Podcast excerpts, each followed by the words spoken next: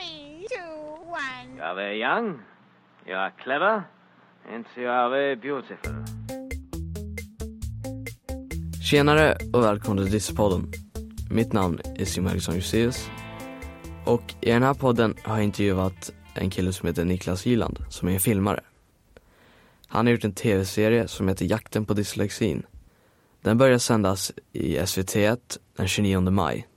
Och i en av de här avsnitten har han intervjuat mig om hur det är att ha dyslexi och om Dissepodden, vad jag vill framföra med den och vad jag vill visa med den. Och så här presenterar han sig själv.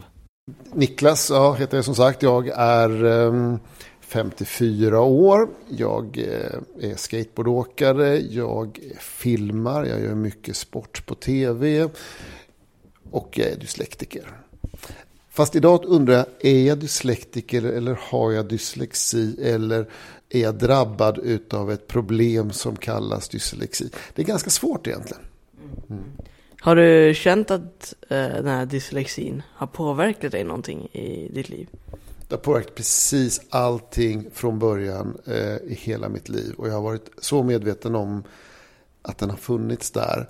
Men under olika perioder har den varit eh, olika hård mot mig eller svår mot mig. Och ibland till och med ganska positiv. Mm. På vilket sätt har den varit positiv till exempel? Positiv kan den Jo, för att den har lärt mig att jag måste kämpa. Jag har, eh, som många dyslektiker, ganska svårt med, med eh, närminnet, att judabokstäver, ljuda bokstäver. Jag läser långsamt. Samtidigt har jag ju velat konkurrera med de människorna som har varit bra just på de här sakerna. Så jag har ju fått slita rätt hårt. För jag vill ju inte känna att jag är annorlunda eh, på det sättet att, att jag inte kan uppnå samma mål som andra. Däremot så förstår jag ju att jag är ju inte lika bra på att läsa. Det går inte lika fort. Men kanske, jag kanske läser, eh, jag kanske faktiskt när jag läser, väl läser en bok eller två att jag får dem, tar till mig dem mycket mer, att jag minns böckerna mycket bättre för att jag läser ju lite långsammare. Så det kan, det kan, det, jag kanske njuter mer av att läsa när jag väl gör det.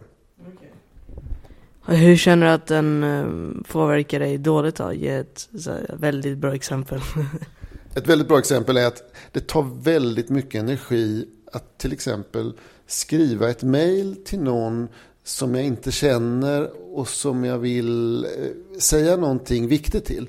Det är inte så att när jag väl börjar skriva att det är dåligt. För jag är ganska bra på att skriva, jag är ganska bra på att formulera mig. För det har jag ju tränat upp då. Men just den här startsträckan gör väldigt ont. Och sen så är man då lite, alltid lite orolig. Har jag glömt ett ord? Eh, vilka felstavningar har jag här? Hur har mina ord glidit isär? Det vill säga särstavning är ju ett problem som i alla fall jag lider ganska hårt utav.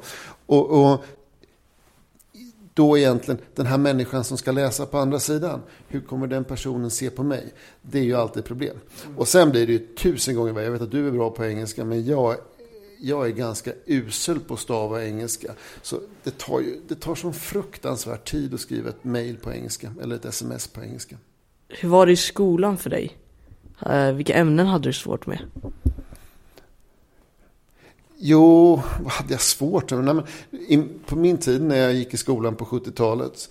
Då fick man ju så fort man skrev någonting eh, så rättade de det med hårda röda streck under orden. Och så eh, stod det massa anteckningar i marginalerna och sen så... Eh, så att egentligen var det allting, precis allting var väldigt svårt. Allting var, var en det var en problematik för det var inte, det var inte tillåtet att flödesskriva som det kan som jag tycker man ska ta till sig idag. Som att, att eller du vet, att du, du, skriver en text och sen kan du möjligtvis gå in och rätta den, sätta kommatecken. Utan här var det ju liksom, och det viktiga är ju egentligen det du vill berätta, det du vill säga. Men men i, i, i den där polisvärlden som jag upplevde att det var så var det liksom så fult att göra fel. Och alla ville peka på det, alla ville slå dig på fingrarna om du inte gjorde rätt, om du inte kunde innefatta det i leden. Mm. Kände du att eh, det var väldigt svårt för dig i skolan när du gick? Ja, men jag hade en väldigt bra mamma. Eh, hon var lärare och hon förstod mina läs och skrivsvårigheter väldigt tidigt. Eh, och hon lät mig vara hemma när jag hade lust. För man har inte alltid lust att gå till skolan.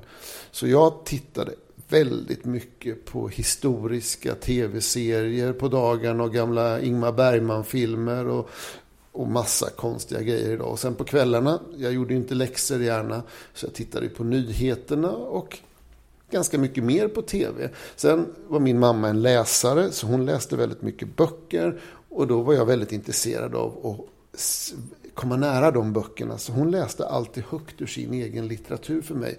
Redan från att jag var fyra fem år så läste hon sina egna böcker högt. Eh, och de här kombinerade sakerna gjorde ju mig ganska allmänbildad.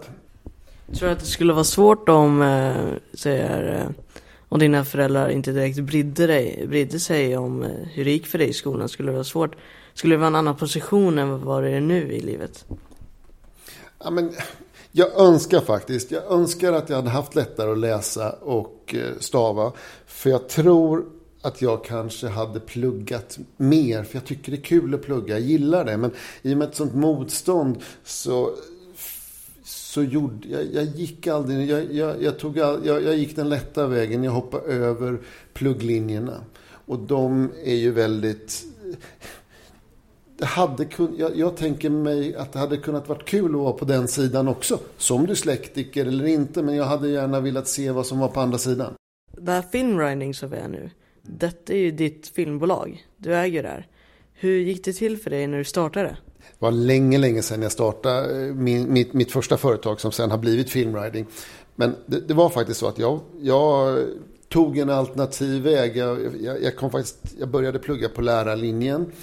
Men kände att eh, jag var kanske lite mer åt det kreativa hållet. Så jag började plugga på en skola som heter Berg som, som var en reklamskola. Och så blev jag reklamare. Och hade ett ganska hyfsat reklamjobb. Eh, men jag var fortfarande ganska ung och omogen. Så att när jag var 25 så stack jag ut och reste ett år. Och när jag kom tillbaks. Då var det sån lågkonjunktur i Sverige så det gick inte att få några fler jobb. Och när det inte går att få, få jobb i reklambranschen då var jag tvungen att vän, göra någonting annat. Och så var jag väldigt bra på svensk musik. Mm. Eh, och så hade jag min allmänbildning. Så jag tjatade mig in på Radio Östergötland. Som eh, var radiokanalen som är i Linköping, därifrån jag kommer. Då.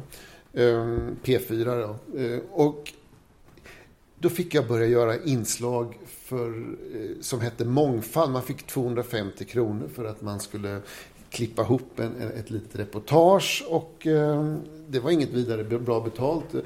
Men helt plötsligt så, från att alla mina världar hade ju varit litterära eller att man har varit tvungen att skriva.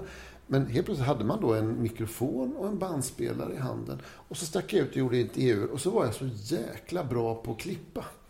Och jag mindes allt ljud och jag hittade i materialet. Så jag, jag var lik, på, på ett par veckor var jag lika bra som alla andra journalister på, på det här jobbet som jag hade på Radio Östergötland. Och då fattade jag att det här är min grej.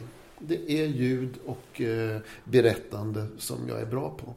Och det var jag för att jag var dyslektiker, jag vet. Så jag hittade hem utav, på något konstigt sur kanske lite på tur för att jag råkade vara så bra och intresserad av svensk musik. Eller bra på, kunde mycket om svensk musik. Mm. Och därför fick jag radiojobbet på Radio Östergötland. Och därefter så blev jag journalist och började jobba med, med det jag gjort. Visste de att, eh, när du jobbade att du hade dyslexi? Nej, det talade jag aldrig om. Men eh, jag behövde inte tala om det. det. Jag fick skämmas lite då och då för att man skulle skriva små påannonser till sina reportage. Och där blev jag ju avslöjad för då syntes det ju genast att jag inte kunde stava. Och det fanns det ju några som inte var så himla trevliga. Det fanns en kille på Radiosporten, eller som jobbar på Radiosporten nu. Eh, han kallas Palle, han hette Palle, jag ska inte säga vad han heter i efternamn.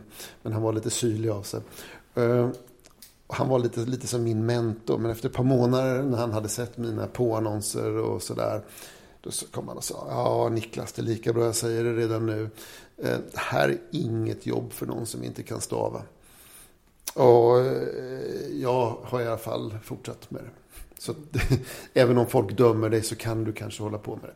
Varför eh, ville du inte tala om att du var dyslektiker när du jobbade där? Alltså jag jag skulle inte, på den tiden sa man inte riktigt att man var dyslektiker. Det var inte sådär så att folk fattade riktigt vad, vad det handlade om. Utan eh, sa man att man inte kunde läsa och skriva, men vad gör du i den här branschen? Eh, var ju den allmänna kommentaren. Mm. Så att, och jag vill inte, alltså, jag vill inte, för mig, jag vill inte förknippas, jag vill inte vara dyslektiken. Eller jag såg mig inte som dyslektiken, jag såg mig som den som var då eh, lite, lite långsammare. Men att, att, att ta på sig det där för mycket är inte heller bra liksom. Om du förstår. Skämdes du över att du hade det för det mesta? Nej, jag skämdes inte mer än när jag levererade någonting som inte såg så bra ut. Då kunde jag skämmas för jag visste att aj, aj, aj, det här, det är lite som att skriva de där smsen på engelska. Idag, då skäms jag faktiskt. För att då känner man ju att, ah, vad tror den där människan om mig egentligen? Liksom, men, men jag vet inte. Mitt tips till andra är det är att göra och inte bry sig. För att göra, då gör man någonting och så händer det någonting nytt och så blir man kanske bättre eller så tar man en annan riktning eller så lär man sig någonting. Medans om man inte gör någonting, då händer det ingenting, då blir man bara sämre. Så alltid, alltid göra, handla, se till att det blir någonting av det, du gör. Eh, I längden så kommer du ändå bli vinnare om du gör saker. Exakt, exakt. Du håller på att göra en dokumentärserie om dyslexi. Eh, vad kommer du göra i den? Vad... Vi gör en tv-serie som heter, eller som ska handla om dyslexi då, som, som UR producerar och som ska gå på SVT. Egentligen är det så här att för tio år sedan så gjorde vi en serie som blev väldigt uppmärksammad och omtyckt för vi gjorde dyslexi ur ett inifrån perspektiv för första gången. Många som gör media om dyslexi försöker beskriva det utifrån och då kan man ofta hamna lite fel. Men jag gjorde det här programmet med, med andra som var dyslektiker. Petter, rapparen bland annat. Ehm, och sen så träffade vi ett gäng barn som också hade dyslexi. Och så försökte vi då berätta mycket om eh, känslan av att ha det, svårigheter när man möter och så vidare. Ehm, och nu så har de här barnen blivit eh, 8, 9, 10 år äldre än vad de var då. Och eh, har kommit ut. En del går fortfarande i gymnasiet men de flesta har slutat. Så vi ska följa upp de här barnen och se vad hände? Hur har vägen hit varit? Eh, och lite hur ser ni framtiden? Vi är väldigt tacksamma att vi bland annat får följa dig en liten stund i den serien. Ja, jag kommer också vara med lite. Ja. Så är det roligt. Mm. Tack så mycket. Ja, tack för att jag fick komma hit. You are very young, you are clever, and you are very beautiful. Vi som står bakom Dyssepodden är Föräldraföreningen för dyslektiska barn, FDB. FDB hjälper och stöttar föräldrar som har barn med dyslexi. Mer information hittar du på fdb.nu. Dyssepodden produceras av Trapets Media.